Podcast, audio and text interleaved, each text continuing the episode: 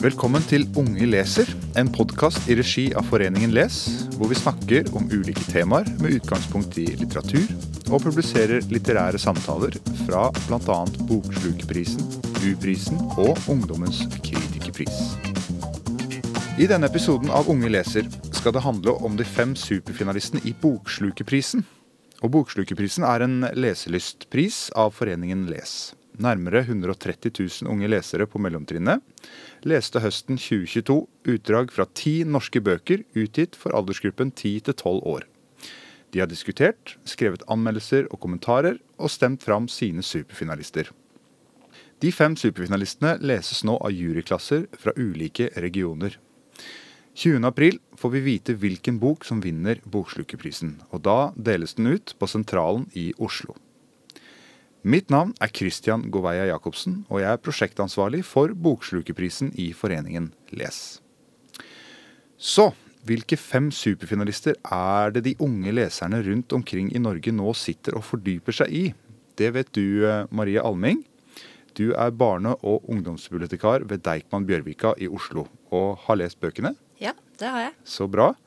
Um, vi begynner med Portalpilotene det første oppdraget av Stian Gulli med illustrasjoner av Sigbjørn Lilleng. Og Marie, hva slags bok er dette? I biblioteket så har vi satt den på fantasyhylla. Eh, det er jo kanskje en litt klassisk fantasyroman, i hvert fall hvis man tenker at eh, i en fantasyroman så kommer man inn i en annen verden. Og det gjør eh, hovedpersonene i Portalpilotene. Mm. De er i utgangspunktet relativt vanlige barn som oppdager i nærheten av et sånt gammelt uh, hopp, så oppdager de en uh, inngang til en annen verden. Og så har det seg sånn at uh, Melvin, den ene hovedpersonen, han er veldig glad i rollespill. Så han kjenner igjen en del ting fra liksom, rollespillverden i den verden som de kommer til. Og det viser seg at det er en fordel, fordi at de får ganske fort et oppdrag, disse to barna. Og det er ikke hvilket som helst oppdrag. De skal tilintetgjøre, eller i hvert fall ufarliggjøre, en ganske slem og farlig drage. Det kan jeg vel kanskje avsløre, ja. Mm. Det kan du. Vi skal ikke røpe slutten, men uh, Nei. Men det er jo en uh, første bok i en serie, så andre boka har jo allerede kommet. Mm. Så det går an for de som syns at Portalpiloten er veldig spennende, så går det an å fortsette på den serien. Det gjør det absolutt. Og vil du anbefale dem å fortsette? Jeg vil absolutt anbefale de som liker eh, sånn typisk eh, sånn andre verdener og liksom fantasi og, og som setter pris på at det er ganske god sånn driv i den romanen. Ja. Det er et høyt tempo, det er mye dialog. Eh, du har ganske sånn festlig dynamikk mellom de to karakterene. De er veldig ulike, mm. selv om de er gode venner. Du har liksom den rollespillnerden som er opptatt av å gjøre alt riktig og være hjemme til mm. riktig tid og vil tenke gjennom og planlegge og være nøye. Og så har han en eh, bestevenninne som heter Adi, som er veldig modig og gjør før hun tenker, og som fort blir hissig. Eh, men som da også har noen egenskaper som de får bruk for i, i det, på det eventyret de drar ut på, da. Mm. Uh, og så er det illustrert. Det er ganske kort kapitler. Det er uh, ganske korte setninger. Det er liksom uh, lett å lese. Mm. Mm. Mm. Så jeg tror at den treffer de som på en måte liker å ha ganske høyt tempo og driv i historiene. Mm. og så er det en del humor også, i den, særlig den dynamikken mellom de to hovedpersonene. da. Mm. For de er bestevenner, de to? Ja. ja. Eh, gaming i barne- og ungdomslitteratur, er det, er det, en trend som vi ser mer og mer av? Det er eh, kanskje Det har vært en del i ungdomsbøkene. Så har det vært dratt inn eh, litt de siste årene. Um, og så er Jeg syns jo det er interessant at man prøver å få inn liksom rollespilldelen av det, som er en slags uh, gaming møter den virkelige verden. Altså du liksom bruker av deg selv og bidrar inn i spillet, da. Ehm, men jeg tror ikke, hvis man ser tilbake til sånn 80-tallet og sånn, så tror jeg at man finner eksempler på at det er blitt gjort før. For de som virkelig kjenner liksom rollespillitteraturen, da. Ja. Mm. Ja. Men det er populært eh, ser vi på biblioteket. Det er mange som syns at det er gøy med rollespill. Mm. Så dette er jo en fin bok for dem, tenker jeg, da. Men også for de som generelt liker fantasy. Så har vi Tix, den stygge andungen av Tix selv, Andreas Haukeland. Skrevet i samarbeid med Olav eh, Brekke Mathisen og illustrert av ingen ringere enn Odin Helgheim, som vi skal snakke om litt senere også. Og eh, hva kan du si om Tix og den stygge eh, andungen? Ja, dette er jo på en måte faktaboka i bunken, da. Mm. Altså det skal jo representere en virkelighet. Eh, vi blir bedre kjent med Tix, som kanskje mange kjenner fra Melodi Grand Prix eller har hørt sangene hans. Han er jo en artist. Eh, men så er han jo på en måte også et ekte menneske bak denne artistpersonen, eh, som heter Andreas Haukland, da. Og vi blir litt bedre kjent med han også i denne boka, men vi får kanskje størst innblikk i liksom hvordan Tix, artisten, blir til, og hvordan han klarte å, å han setter seg ganske tidlig et mål da, om at han vil spille på denne store konsertarenaen som er VG-lista eh, i Oslo. Mm. Um, og mye av det handler om liksom veien dit. Hva han gjør og, og motgangen han møter, og, og, hvorfor han valgte dette artistnavnet, og hvorfor han ble litt sånn som han ble, da. Mm. Mm. Så det er en slags uh, uh, bli kjent med fortelling eh, fra eh, Tix sitt perspektiv. Det er, jo en, eh, det er jo han som forteller, der han har jeg-stemmen mm. og presenterer eh, fra ca. han er elleve år mm. og opp til han er vel kanskje noen og tjue. Presenterer han sin, eh, sin, opplevelse av det å bli stjerne, da. Mm. mm. Er det noe som kan være gjenkjennelig for unge som vokser opp i dag, i boka? Det er jo en, det er jo en oppvekst, kall det en oppvekstbok. Eh, det er jo Altså, Tix er jo eh, født med noe som heter Tourettes syndrom. Mm. Så han har jo noen utfordringer rundt det at han har eh, disse ticsene. Eh, en del sånne ufrivillige rykninger i fjeset og en del ord han liksom bare må si. Eh, som han ikke kan styre. Mm. Eh, og så beskriver han jo noen litt sånn vonde opplevelser med det. Med å være den som er han raringen. Eh, å være på utsiden. Eh, og ikke bli likt av verken de kule gutta eller eh, de pene jentene. Mm. Som han beskriver som blir en slags sånn drivkraft, da. Det er jo nesten en sånn hevnhistorie, på en måte. Altså jeg skal vise dere at jeg kan noe. At, mm. at jeg kan også bli beundret. Um, og det han beskriver i boka, er jo også at han bruker det at han har en del sånn tvangstanker og sånn. Han er sånn utrolig nøye. Uh, som henger sammen med den sykdommen. da, At han mm. liksom må gjøre ting helt perfekt. Um, det er jo også en begrunnelse for at han klarer å bli så suksessfull, da. Mm. Han sitter ikke sant, og øver Når han finner ut at han vil lære seg å spille gitar og piano, så sitter han liksom og øver og øver og øver. Eh, og gir seg ikke før han har fått det sånn som han vil. Eh, og også når han lager sanger. ikke sant? Han vil ha det helt perfekt. Um, han sier på et eller annet tidspunkt at der kanskje andre bruker to dager på å lage tilsvarende musikk, så kan han bruke flere uker. Mm. Men som også gjør at han kanskje får en form for liksom, kvalitet ved ting, da. Mm. Og som kan være med på å forklare hvorfor han har blitt så populær, da. Han har jo stayerevnen. Ja. ja mm. det... Og det kan det jo hende at er en fin lærdom for noen å få med seg. Uh, men også så viser han jo at det går an å være annerledes og få til noe allikevel. Mm. Men det som er litt spesielt med historien om Tix, er jo at han på en måte blir en annen eh, for å få denne suksessen. Ja, for, han, for han, når han tar på seg pannebåndet og brillene, ja. så, så, blir han en, en, et, alt, det blir et alter ego, en annen ja. person. Ja. Og det har han jo på en måte også innrømmet på eh, var kanskje i fjor at han ble intervjuet på Lindmo. Han har vært på liksom eh, gjort en del sånn intervjuer på dette med at han uh, Og han skriver litt om det i boka, at han det er litt sånn usikkerhet rundt er det Tix folk liker, eller er det liksom gutten bak, da? Ja. Er det Andreas?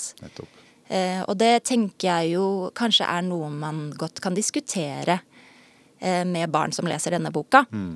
Um, fordi det man ser i offentligheten, er jo den personen, Ja. Tix. Ja. Han tar på seg solbriller og pannebånd og denne liksom eh, pelsen sin, ikke sant. Mm. Og så, så er det på en måte Da er han en karakter, nesten. Mer enn et eh, ekte menneske, da.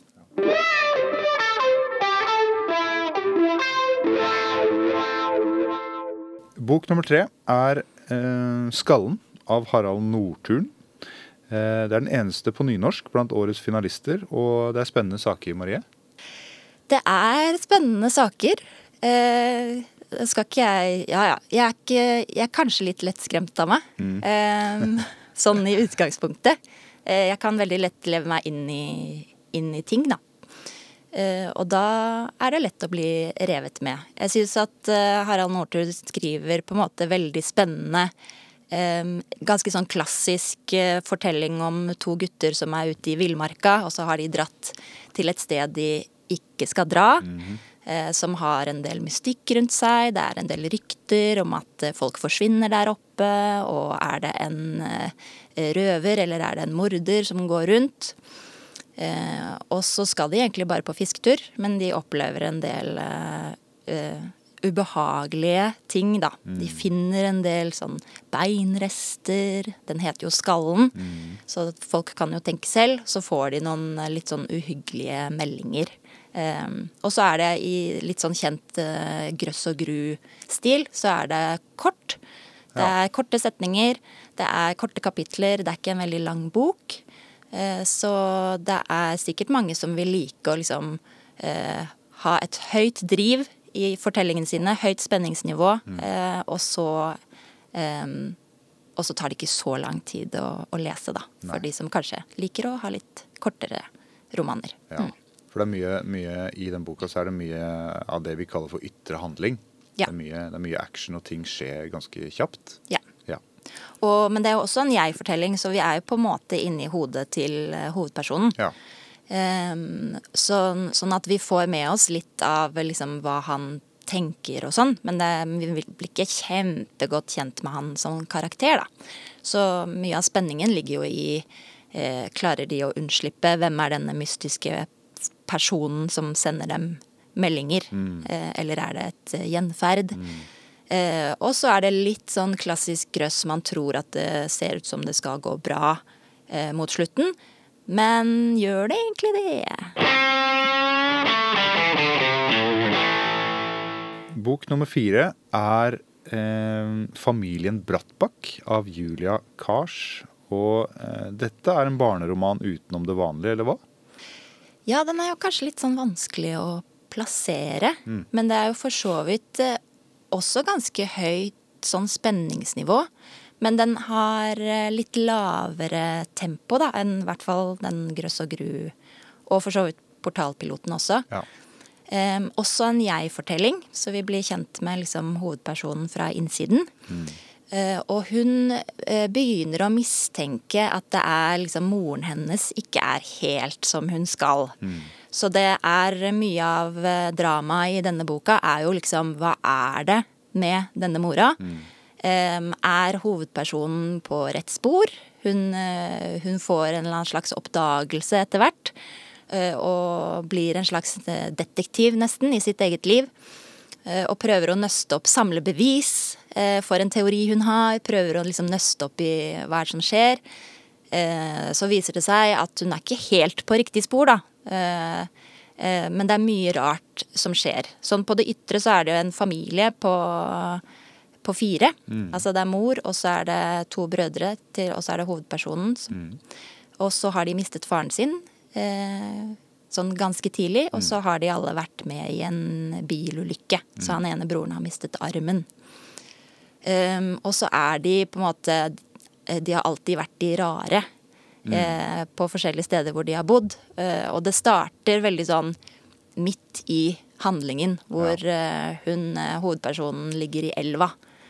Og flyter nedover og gjør ikke noe motstand, for dette har hun vært med på før. Hun har blitt kastet mange ganger i elva av sine medelever. Ja.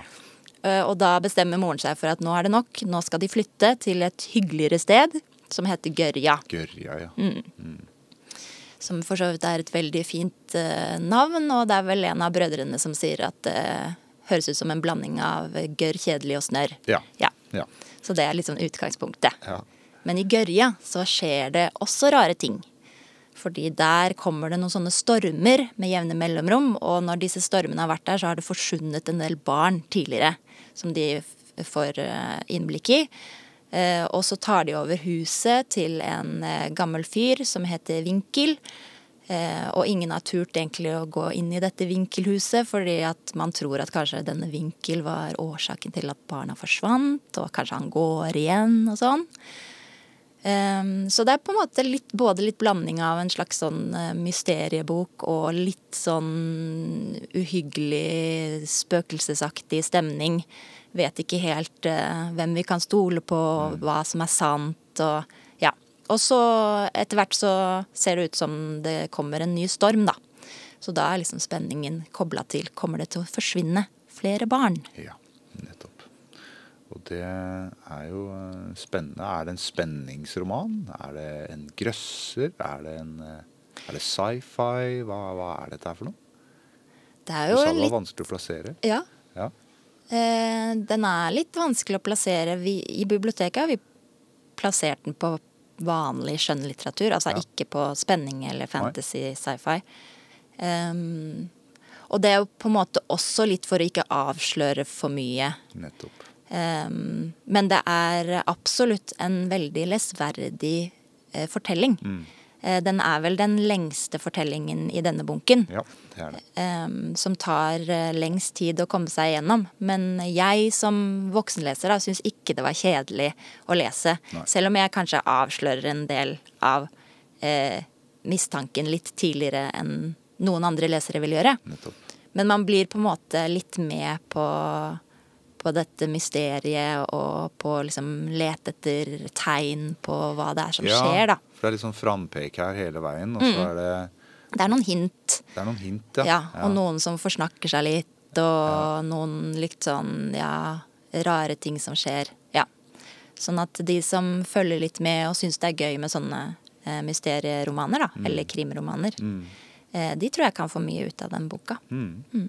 Men så handler, det handler jo også mye om måte, familierelasjoner og kanskje det å savne noen. og og, og, og, vennskap og, og, det å passe inn og sånne ting. da. Mm. Liksom utenforskap og sånne ting. Ja. Det er jo Vi blir jo kjent med en person som på en måte aldri har klart å passe helt inn. Mm. Og også når hun flytter, da, så har hun vanskelig for å være den normale, ja. ikke sant. Altså hun har en merkelig mamma. Og det er liksom Hun har merkelige klær. Men hun eh, får seg én god venn. Eh, egentlig to. Men eh, ja. Han mm. ene forsvinner litt tidlig. Ja, ja han gjør det. Mm. Ja. Så, så, det viser jo på en måte at det er mulig å eh, beholde sin rarhet, men også finne noen som godtar det, da. Mm.